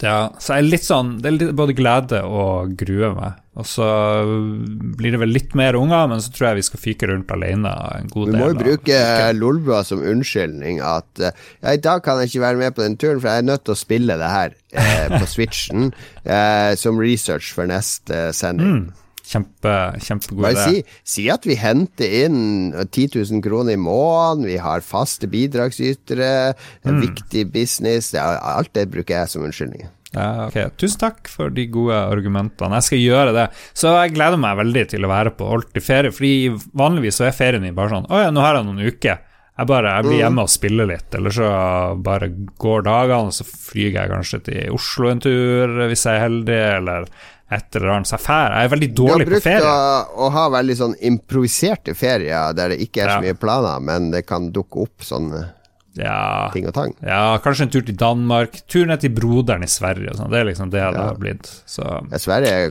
broder, broren din kommer du ikke til å se på mange år pga. korona, så ja. kanskje når barna er konfirmert. Ja. Ellers så gleder jeg meg til PlayStation 5. Det er vel det jeg gleder meg mest av sånne ting. Jeg vet ikke helt hvorfor jeg gjør det, men eh, ja, Det er interessant. Ja. Hva er det du gleder deg til der? ja, Fordi hva- ja, hva er det? nå er det jo en sånn der uh, Litt sånn murring blant noen internettfolk om at både PlayStation 5 og Xbox One X har masse sånne funksjoner som ingen av TV-ene vi har i dag, støtter. Ja, du må ha HDMI 2.1 for å få 120 HDMI 2.1 frames. er det jo så- ingen ja. av våre som har 120 frames, er det ingen av våre TV-er som støtter. Og så er det noe sånn adaptiv teknologi for å få optimalisere framerate, som Mm. selv om du har HDMI 2.1, så er det ikke sikkert at de teknologiene støttes av TV-en. Mm. Det er sånn kaos av uh, Det brukte å være plug Vi brukte å kjøpe de konsollene, for da tar du med en RGB-kabel, og så er det Nå er det perfekt. Det blir ikke Ja. bedre enn der. Ja, nei, så det, jeg har ikke satt meg så veldig inn i det. Så, så, men eh, bare konseptet PlayStation 5 er, er noe jeg gleder meg til, og det er jo litt gøy. Jeg gleder meg ikke til PlayStation 4 noe særlig, liksom. Men det, PS5 virker å være, være, være veldig bra, da. I hodet mitt så er det det, uten, uten at det er noe spill spesielt jeg har lyst til å spille. Gran Turismo, kanskje, men nei, jeg vet ikke. Det, det bare jeg har en sånn plass i hjertet mitt, så jeg må jo sikkert forhåndsbestille den. Apropos forhåndsbestilling, så kanskje jeg gleder meg enda mer til den Analog Pocket som vi også snakka om. Ja, Eh, Den i- gleder jeg meg masse til. ja, for det, det, det er en, et selskap som heter Analog, som lager litt sånn luksusutgave eh, Ja, ja, ja. av gamle konsoller, og nå så har de en ny bærbar versjon som tar Gameboy, Game of Color, eh, Gameboy Advance, Atari Lynx, Mhm, Game Gear, Neo Geo Pocket Color og sånne ting. Kosta 200 dollar ish uh, forhåndsbestille, og det starta nå Ja. på mandag, kunne man bestille, og du bare ja, må du huske å forhåndsbestille? Jeg bare Bæ! Og da var det allerede for seint, for da var det gått halvannen time, og alle var utsolgt. Tok åtte minutter, så var det tomt. Ja, ja. Men jeg har lyst på den. For du, den, det Har- du, du kan kjøpe en stand, så kan du yeah. koble den til TV-en, kan endelig spille. Og det eneste jeg egentlig vil spille, er California Games eh, på Lynxen min. Lynx. Det er veldig fin avslapning. Spille surfinga der. Og så er det en Pokémon pinball som jeg bare husker var liksom favoritt-pinball-spillet mitt. Uh, Jeg tenker det, er- det er absurd at du vil bruke over 3000 kroner på å spille California Games. og Pokémon. Da kan du kjøpe deg fullt flight sim-utstyr og flight simulator. Eh, ja, ja. Noe må man jo glede seg til. Så det, det, det, er det jeg gleder meg mest til. Men liksom eh, Det blir utsolgt.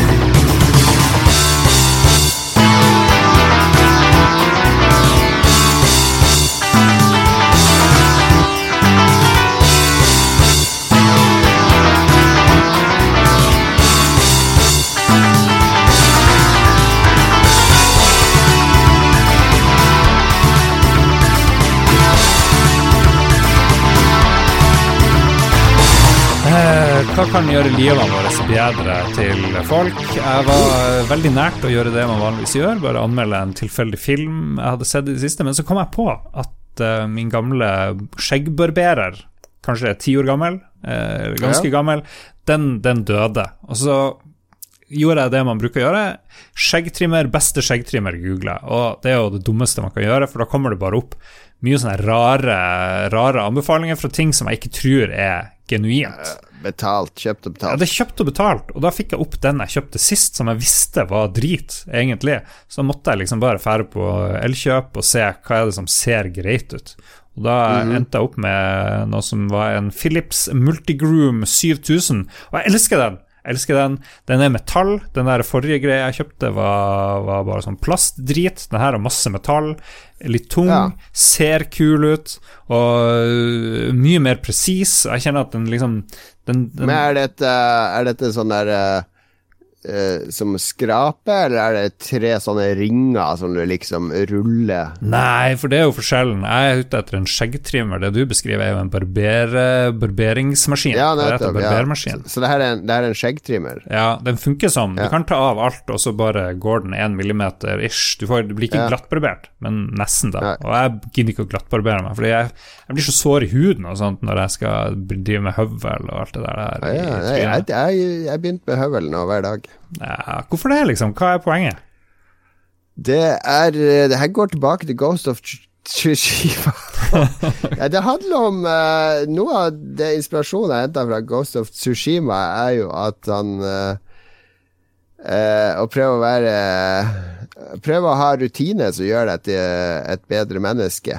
Mm. Og gir deg et bedre liv. Og en av de rutinene er jo nå prøve å trene hver morgen før jeg drar på jobb. Og da når jeg dusjer, når, før jeg dusjer da, så er det veldig deilig å ha sånn rutine med å rense, barbere ansiktet. Aha. Så barberinga er en slags renselsesprosess. Så en slags militær uh, tilnærming til livet ditt. Det er jo veldig ja, viktig militær å barbere seg. Det har ikke så mye med militær å gjøre. Det har mer med å føle seg uh, Og ta vare på seg sjøl, på et vis. Hmm. Altså Hvis du ikke dusjer eller bruker deodorant og tar på deg de samme klærne som dagen før, så gjør det også noe med din egen psyke. Men hvis du tar deg litt Tør å ta et steg til sida og, og behandle deg sjøl litt Nå roter jeg veldig her. Men du, det handler om å ta vare på seg sjøl for å få det hmm. bedre med seg sjøl. Ja, ok. Det er greit. Jeg tok og, Den der forrige barberings... Nei, skjeggtrimmeren het Remington et eller annet. Bare drit i Remington. Drit. Koster sånn 400-500 kroner. Nå gikk jeg opp til smashing 799 eller et eller annet sånt for min uh... Så billig, så billig. Min koster 2000. Ja, nei, det ser du. Du trenger ikke betale så mye. Vet du hvorfor den gjør det? Nei. Fordi jeg uh, Uh, det, jeg, jeg, husker jeg fortalte det her før, men da jeg jobba i FOM, så hadde jeg ansvar for spillsida, og så hadde jeg ansvar for hardware-sida, og så hadde jeg ansvar for uh, ukas test, nei, månedens test. Og der skulle jeg teste fem produkter i samme kategori. Oi, så, så, en gang testa jeg selvfølgelig skjeggtrimmere, så der fikk jeg tilsendt alle toppmodellene til Philips og de andre, og så testa jeg jo de, og så var det jo ingen som ville ha de tilbake, så da hadde jeg fem helt nye skjeggtrimmere. Så det var jo sånn hver måned. Så hva trenger jeg denne måneden? Ja, jeg begynner musa på PC og bli slitt. Jeg teste gamermus. Så da kom nye Steel Series og Logitech, og alle mm. sammen var det bare å ringe og få tilsendt. Ja. Slutt på den tida nå, dessverre. Jeg vet ikke om du ser, jeg beholdt barten, da, for det, den gikk jo gaiken, den der Remington, da, så det bare grodde og grodde. Og ja, da jeg, jeg tok skjegget, så lot jeg barten være igjen, da, og det syns jeg er veldig artig jeg skulle arrestere deg litt på den barten der, fordi jeg, jeg, jeg, og alle vi andre vennene dine som snakker bak ryggen din, mm. vi har gått og spekulert i om det er en del av sånn uh, assimilering av det inn i samisk kultur, at det er vanlig for samer å ha sånn bart. Jeg tror ikke det er vanlig for noen å ha sånn bart. det er den der Blue Oyster Bar, det er vel det nærmeste du kommer. Ja, ja, ja. Hva sier dama om den barten? Nei, jeg liksom Jeg pressa alle ungene. Jeg sa ja, nå må du si hva du syns om den barten. Er det ikke ja. fantastisk? Ja, tja Litt sånn keitete uh, smil og ja Så jeg føler ikke at det føler ikke at det er 100 Men uh, jeg markerer jo at styrke det, føler jeg. Jeg bryr meg ikke om hva andre sier, sier jo barten min. Selvfølgelig bryr du deg om hva andre sier. Men det, som er farlig, er jo Min far hadde jo bart eh, fra jeg var født og frem til jeg var 17-18 år, når han tok den barten. Mm. Og det tok meg to år å venne meg til å se han uten bart, for i, i mitt hode så var hans fjes skulle ha en bart, ikke sant? Mm. Så nå når du har fått, eh, blitt stefar, så de vil nå vil de alltid forbinde deg med at du skal ha bart. Så hvis du tar den nå, så er det bare sånn Hæ? What the fuck? Hvem ja. er du? Mm. Ja, ja. Det, jeg tar sjansen. Den blir nok å forsvinne, den barten. Men uansett, Philips Multigroom 7000, veldig, veldig bra. Ja, ja, ja, ja. Kjør på. Ok. Ja, kjedelig anbefaling fra meg, da. Fordi en av de mange tingene jeg så på TV i sommerferien, var på Netflix. En sånn dokumentar som heter Fear City, New York versus The Mafia på Netflix. Som en sånn uh, behagelig dokumentar på en måte, for det er bare fire episoder. Takk mm. Gud. Du trenger ikke alltid å strekke ut dokumentarer til å være i 20 timer, sånn som alle disse true crime-driten. En dokumentar bør jo maks vare i halvannen time, da, spør du meg. Ja, ja, da bør du klare å fortelle det. Men akkurat denne dokumentaren var litt sånn mangelfull. Det virker som den er laga på litt sånn lavbudsjett, fordi det handler om når disse fem store mafiafamiliene i New York eh, ble busta på 80-tallet av Rudy Guliane, som i dag er, er kanskje litt mer rabiat og høyrevridd ja. og forhatt. Men uh, han skal faktisk ha æren for at han var den som tok initiativet i statsadvokatkontoret der. til å sette i gang hjulene og virkelig stå bak denne etterforskninga som, som tok disse familiene. Så det handler om hele den avlyttingsprosessen. Så det er intervju med masse gamle eh, pensjonerte FBI-folk som var med på disse tingene, og fortalte om hvordan det ble gjort, og så får vi høre sånne klipp her og der, og så er det dratt Selv om det varer bare fire episoder, så er det dratt ut i det uendelige med sånn herre Du får høre sånn lydbånd med sånn herre uh, We need to whack this motherfucker tonight, og så er det sånn klikk, klikk We need to whack Skal du få høre det en gang til? Bare for å understreke Oi, tenk at de sa det. Sånn er det hele tida. Og så er det liksom det er så lite footage av uh, rettssaker og andre ting. Det virker som en veldig sånn billig produksjon på mange Mm. vis. Så, Hvorfor så, er det her i anbefalingsspalten, lurer jeg på? Nei, for det er jo ikke den jeg anbefaler. Her er forhistorie. Men- jeg, jeg er veldig fascinert av mafia, og spesielt den amerikanske mafiaen. Hvordan de jobba seg opp fra 30-tallet, eller fra immigranter, og til å bli de, de dominerte jo det amerikanske samfunnet på 50-, 60- og 70-tallet. Altså nå i dag er det bare en skygge av seg sjøl. Så jeg ble jeg, jeg kjøpte den boka som, eh, som liksom er hele historien om de fem familiene, og begynte å lese den. Og så begynte jeg å se Sopranos på nytt, for det har jeg ikke Ah. gjort siden den kom. Og Sopranos foregår jo i denne aftermathen av uh, den, det Rico-greien. Du vet, du har hørt om Rico. Det var jo denne lovgivninga som gjorde at de kunne buste uh, sjefene Ja. oppover Ja. via affiliasjon. Jeg så faktisk et par episoder av Sopranos for ikke så lenge, for jeg har aldri sett det, så jeg tenkte jeg skulle begynne, men jeg kom liksom ikke noe videre. Så kanskje det Ja. her blir inspirasjon. Ja, men det er vel verdt å se, for det foregår i det aftermath av hele den greia her, der mafiaen liksom er eh, knekt ned i knestående og eh, kjemper om all restematen som er igjen, og prøve å holde ting ved like, men moralen er på vei ut, og folk eh, er ikke lojalitet lojale lenger, osv., osv. Så, videre. så jeg ble inspirert til å se Sopranos på nytt. Jeg har ikke sett det siden det kom, så jeg har jo glemt det meste, selvfølgelig. Så eh, den holder seg veldig bra. Jeg har veldig god nerve, og han James Gandolfini er en fantastisk skuespiller, det må jeg si. Ja, han er jo en stor skuespiller. Haha.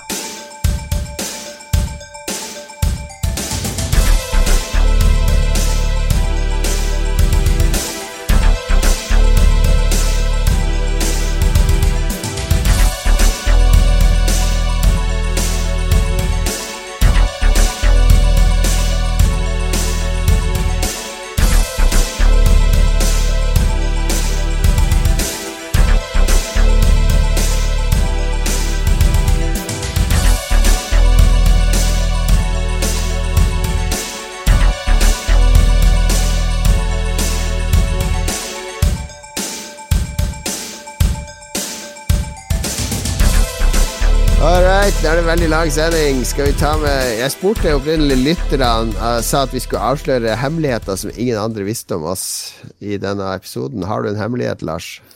Uh, ja, mye hemmeligheter. Uh, Ja Apropos barberingsmaskiner. Jeg tok og jeg skulle møte ei dame til en date en gang. Så fant Ja. jeg ut at uh, Og det noe jeg gjør, stort sett, men jeg tenkte jeg skulle trimme hårene på ballene og rundt kjønnsorgan. Ja, porno, pornopung. pornopong. Så jeg tenkte jeg gidder ikke å bruke noe sånn høvel og sånn, så jeg kjørte på med den skjeggtrimmeren, og det jeg ikke visste var at huden på, på pungen er utrolig svak og tåler veldig lite. Så det så Ja. ut som sånn fredag den 13. Ganske fort. Det ble masse sånne små kutt Ja. og gjorde jævlig vondt. Så etter en stund så ga jeg opp og hadde enormt blodig, blodig pung. Så det var Det, det anbefaler jeg ingen å gjøre.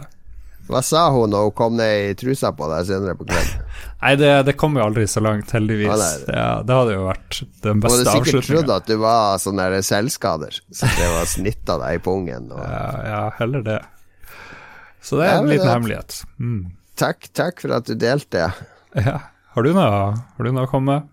Jeg glemte å forberede en hemmelighet.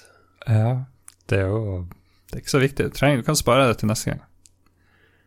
Eh, du hadde så bra historie, så jeg kan ikke komme med noe sånn banalt. Jeg må spare det til neste gang. Eller jo, eller det er jo noen som vet det, men jeg trodde at eh, den ribba vi spiste til jul Trodde jeg helt til jeg var 32 år, så trodde jeg det kom fra en fugl og ikke en gris. Ja, det har vi nevnt før, så det men det er en fin Det er en artig, flau greie. Det er Ribbefuglen. jeg- Den store ribbefuglen. Den kommer til jul. Ok. Poenget her var at vi ba lytterne om å dele litt. Ja, det slo helt feil. Det var ingen som var Ja, det var stemning. ingen som ville dele noe som helst.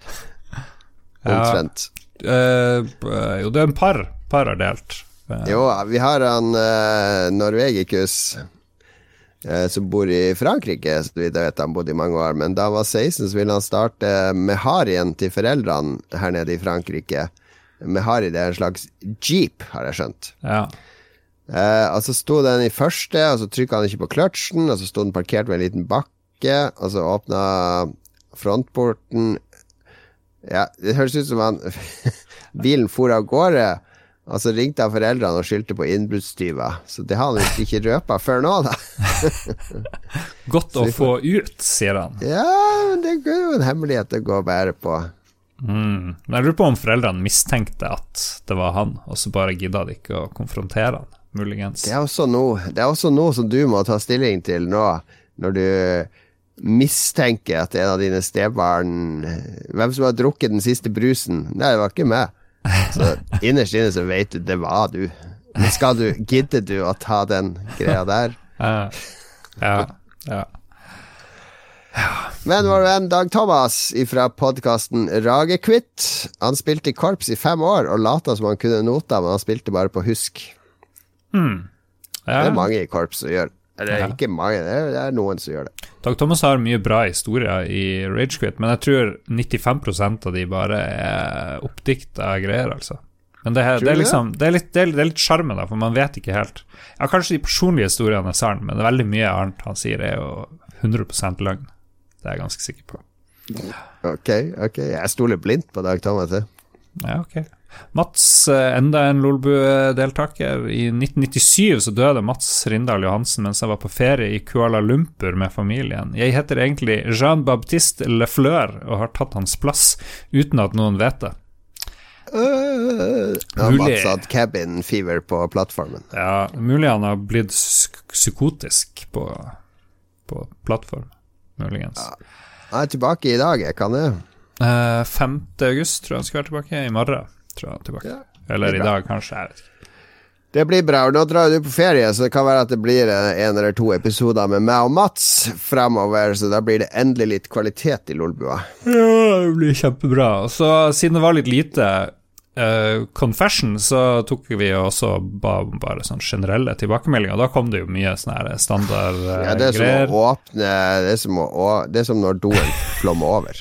Det er gulvet fullt av dritt. Det er jo topp. Jeg tipper at det kan bli mye fin debatt her nå. Eksempel Adrian Haugen, hva er det beste og verste med sommerferie? For nå har vi snakka mye om Oi, oi. hva som var bra med din sommerferie. Hva er liksom det verste Verste er varmen, solkrem, eh, at alle skal være så glad hele tida, at alle skal sitte ute og drikke øl. Eh, Det er det verste. Det høres jo veldig fint ut, alt det du sier. Nei, men det er, jeg er helt bare er på Team Jokke med 'Her kommer vinteren', den kalde, fine tida. Fordi jeg, jeg, er ikke noe sommermenneske. Jeg husker, helt fra jeg var liten, så jeg hadde allergier, så sommer er alltid jeg forbundet med eh, tortur. Altså vanskelig å puste, være ute en time, så resten av dagen må jeg liksom ligge i en sofa på rommet mitt og lese Donald. Eh, og videre, fordi jeg tetna til i øre, nese, hals. Altså, så for meg er sommer aldri vært forbundet med kos. Ok, ok. Selv om vi har hatt gode opplevelser med rollespill og alt mulig sånn, men det så, det kunne like at Jeg, jeg hadde foretrukket å ha vinterferie i to måneder istedenfor sommerferie i to måneder. Oi, oi, oi. Jeg vet ikke helt hva det verste blir med denne sommerferien, siden jeg nettopp har begynt. Men vanligvis er det jo at jeg ikke har noen plan, og føler at jeg bare kaster bort verdifull sommerferietid. Men forhåpentligvis så blir det annerledes eh, i år. Terje Steine Mjøs, tror vi at neste generasjon eh, Xbox og PlayStation blir utsatt? Kan covid-19 gjøre til at det er lite informasjon rundt lansering og pris? umiddelbart så vil jeg si nei. Jeg tror ikke det blir utsatt, spesielt siden de ikke har sagt noe dato. Så så lenge det kommer i år før jul, så er det jo on schedule. Og de driver jo og produserer mobiltelefoner og alt mulig drit, så hvorfor skal de ikke lage PlayStation, tenker jeg. Ja, jeg tror det kan bli utsatt. Og så tror jeg det er lite informasjon, fordi at uh, Grunnen til at Lars gleder seg nå, det er at det er så lite informasjon. Hadde han mm. hatt mer konkret informasjon, så hadde han ikke gleda seg like mye. Fordi Litt som en flight simulator for meg. The hype is real. Og med en gang du blir for detaljert og konkret, så forsvinner hypen. Ja, ok. Nestemann, Jon Cato. Ja, topp fem verste spill vi har spilt. Dessverre, det har Red Crew har trademarka topp fem, så vi får uh, advokaten til Jostein på døra hvis vi, hvis vi gjør topp fem her. Ja, vi kommer tilbake til det til en sånn topp fem spesial, hvor vi skal bare gå amok. Nei, nei, nei. Det, det, advokaten har sagt at det må være topp fire eller topp seks, ikke topp fem. ok, prøv på nytt, Stian. Beklager. Get with the program. Mats Rindal Johansen er tilbake. Noen spill vi gleder oss til på høsten. Det har vi jo egentlig vært innom. Ja, Flight Sim! Flight Sim. Jeg så det kommer et nytt Larry-spill. Jeg bare Å, det kommer et nytt Larry Leffer-spill, men jeg spilte jo aldri det forrige nye heller, så det blir jeg jo ikke å I all verden skal du med et nytt Larry-spill? Jeg vet ikke, men nå skulle du til Syden, og jeg husker mine favoritt-Larry-spill, det var jo da de var kanskje, på sånn Kanskje du skal kjøpe deg en sånn retrokonsoll til 5000 kroner, så du kan spille det nye Larry-spillet på, Lars? Uh, Martin Pettersen, hvorfor var CRT-skjermer så awesome, og hvorfor har ikke flere dem i hus? Han har to ikke si det til noen. Ja, det er jo litt eh, Ja, det frister jo med en CRT-skjerm å liksom spille Amiga og sånne ting, og det er kanskje den beste løsninga. Men jeg har jo monitorer, og det er jo CRT-skjermer. Det, det, er jo den eh, Nei, din LCD-monitor er ikke det? Nei, jeg har to Jeg har i hvert fall én eller to 1084-monitorer. Ja, ja, da har du CRT. Det, ja. Det er jo en sånn uh, sak på Eurogamer om en sånn legendarisk CRT-monitor som du kan kjøpe brukt for nærmere 20 000. Jeg var faktisk på Finn og så etter det. oh. eh, som eh, de spiller, driver og spiller Quake og sånn på, og det ser helt amazing ut. Det ser så mye bedre ut enn en vanlig sånn der flatskjermmonitor. Ja, jo da. Det, det, det, grafikken blir jo for crisp på de her eldste mm. skjermene. Helt sant. Joakim Strandberg lurer på hva jeg tenker om siste sesong av Dyrepasserne? Hva er det for noe? Uh, og hva tenker vi om at Louis blir mobba ut av orangutangflokken? Hmm. Han, må, han, måtte flytte til Gibbon-huset? Hva er dette for noe? Er det noe vi har gått glipp av? Det høres veldig bra ut. Det er et TV2 Sumo-program, ja. Hmm. Ser ikke på uh. Ja, ja, ok. Tony Modal, har vi sett den danske serien The Rain uh, på Netflix? Ja. Hva syns vi? Jeg har snart sett begge sesongene ferdig nå på snart to dager. Fy faen, så spennende. Jeg så vel første episode. Kom hit, Klaus, nå skal vi være inne fordi det regner og det er dårlig vær. Kom hit, skal vi spille Monopol. Og sånn er det to sesonger. Nei, nå er det yatzy. Nå er det yatzy, lille Kalle. Har du ikke sett når de kommer ut av bunkersen? Nei, eller de drar inn når de er barn, og så er de voksne, og så drar de ut, ja, ja, ja. og så oppfører de seg som idioter, og så gidder jeg ikke mer. Jeg orker ikke. Ja, jeg syns heller ikke det var så bra, men jeg syns det er litt artige Premisset er jo Eller det er jo mye av Death Stranding der, fordi det er jo sånn at vann er gift, så at de må gå med regntøy, og hvis det regner, så må de ta på seg hette og, og ikke få vann på seg, og så videre. Hmm, kanskje han er jo veldig glad i dansker, i hvert fall han der ene dansken. han Kojima. Hva heter han? Kojima. Hideo Kojima. Kopiert, kopiert hva jeg sier. Mats Mikkelsen, det er jo favorittmennesket til Kojima. Mats. Mats. Yeah. yeah, det er meg, Mats. Hva vil du, Kojima? Jeg syns vår Mats skulle skifte navn til Mats. Ja, jeg, ble, jeg, falt ikke helt for den, jeg heller. Jeg så flere episoder enn det, Lars. Men det ble litt sånn uh, Som vi i Harstad-gjengen sier, smatt, smatt. Men nå er uh, det er vår med. Ja. Christopher Getto Boys gifta seg på lørdag. Oi, oi, oi. Gratulerer, Kristoffer. Ja, jeg, så, jeg så det i nyhetene. Han hadde fire bryllup her nede på Østlandet. Hæ? Ja, ja, ja. Nei, du følger, jo ikke, du følger jo faen ikke med på noe som skjer sør for Harstad.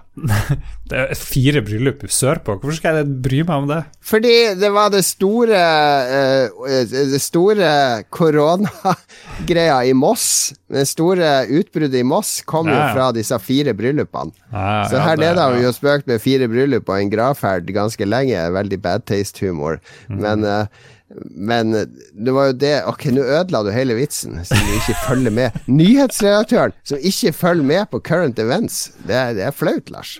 Jeg følger ikke med på sånn uviktig drit som skjer sørpå, beklager. Følg med på hurtigrutene som og sprer eh, smitte langs kysten. Det er mer noe smitte sørpå. Hvem bryr seg? Men så sier han også at han sa hei til meg på Fløyen. Ja, Det husker ikke du. Jo, jo, jeg husker det var en som sa hei, og jeg bare snudde og gikk andre veien. Nei, nei, jeg gjorde ikke det, men det var, det var veldig kjapt. For jeg tror vi var på vei til Jeg og, og min kone og to av barna våre var på vei mot sånn kanopadling oppe på Fløyen, og så plutselig var det en som sa 'Hei, Jon Cato'. Altså, da svarte jeg bare 'Who the fuck are Jeg sa, sa jeg selvfølgelig hei tilbake, men jeg ante ikke hvem det var. Ja, det skjer det. Der har jeg møtt uh, Getto Boys. ja. Du har ignorert Getto Boys. Jeg har ikke ignorert han, jeg svarte jo, men hva skal jeg gjøre? Hva gjør du når Hvis noen sier hei, Lars, så sier jeg jo sier ikke bare hei. Jeg sier hei, hvem er du? sier jeg. Eller noe sånt. du sier det? Ja. Who the fuck are you? Det er jo Kan du si. Mm. Ja. Jeg skal prøve det neste gang, Kristoffer.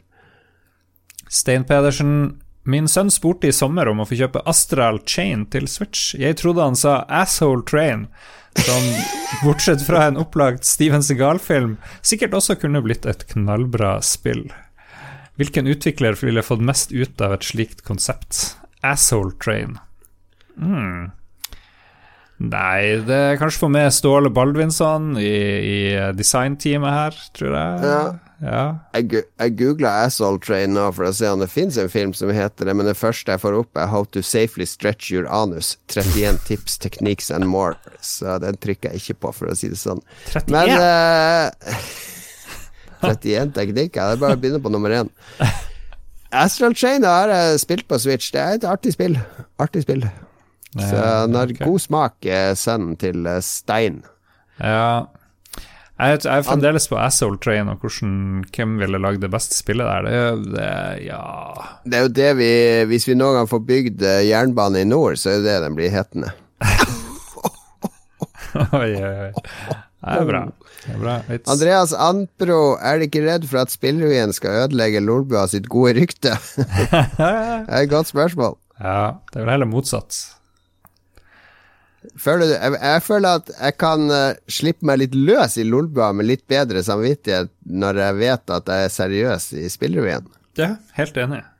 Det er vår uh, get out of jail-card. uh, ganske lett. Vi kan gjøre hva vi vil her, fordi vi har en seriøs podkast. Ja, ja, ja. Uff.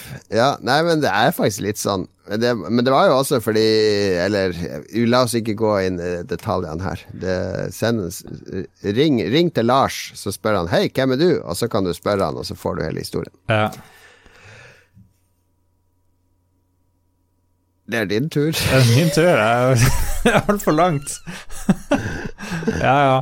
Helge Larsen husker at i starten av koronapandemien snakka dere om at det var en ypperlig anledning til å lære seg noe nytt.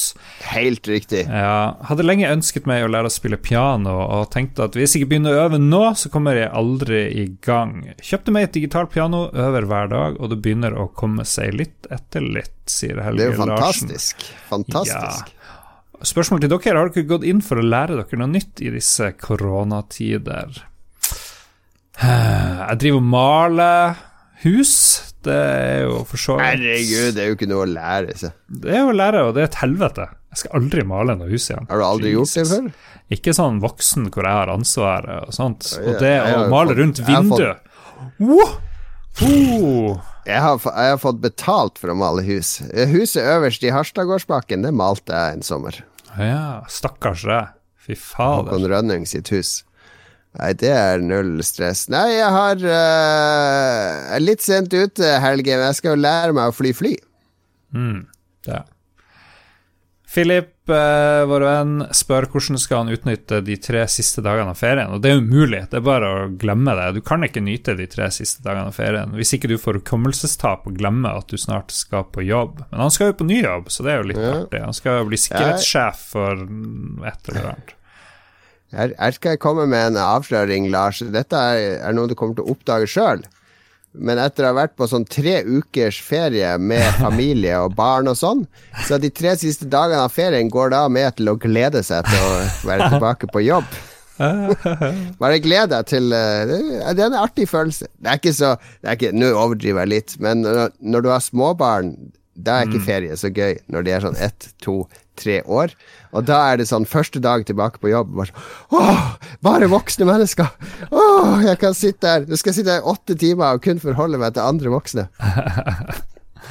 Mm, jeg gleder meg til å se hvordan det blir her. Marius Lyseggen Krinan, dårlige spill med bra musikk. Jeg vil nominere nesten alle Commodore 64-spill. Ja, mange der. Knucklebusters kanskje spesielt var et usedvanlig dårlig spill med kanskje Rob Hubbard sitt beste soundtrack eh, noen gang. Det var det. Eh, stor sending som vanlig. Nå skal det klippes og koses, og så skal den ut i morgen. Vi må takke våre produsenter, Lars. Yes, vi har fått en helt ny produsent, Sonicon. Tusen takk for at du er produsent. Så har vi selvfølgelig Anne Beth, som ble produsent før han. Så kom Rolf Helge Erik Rolf Helge Øvergård Ingebrigtsen, TTMX MP og Kobrakar84. Tusen takk. Bli Patrion-dua på patrion.com slash lolbua.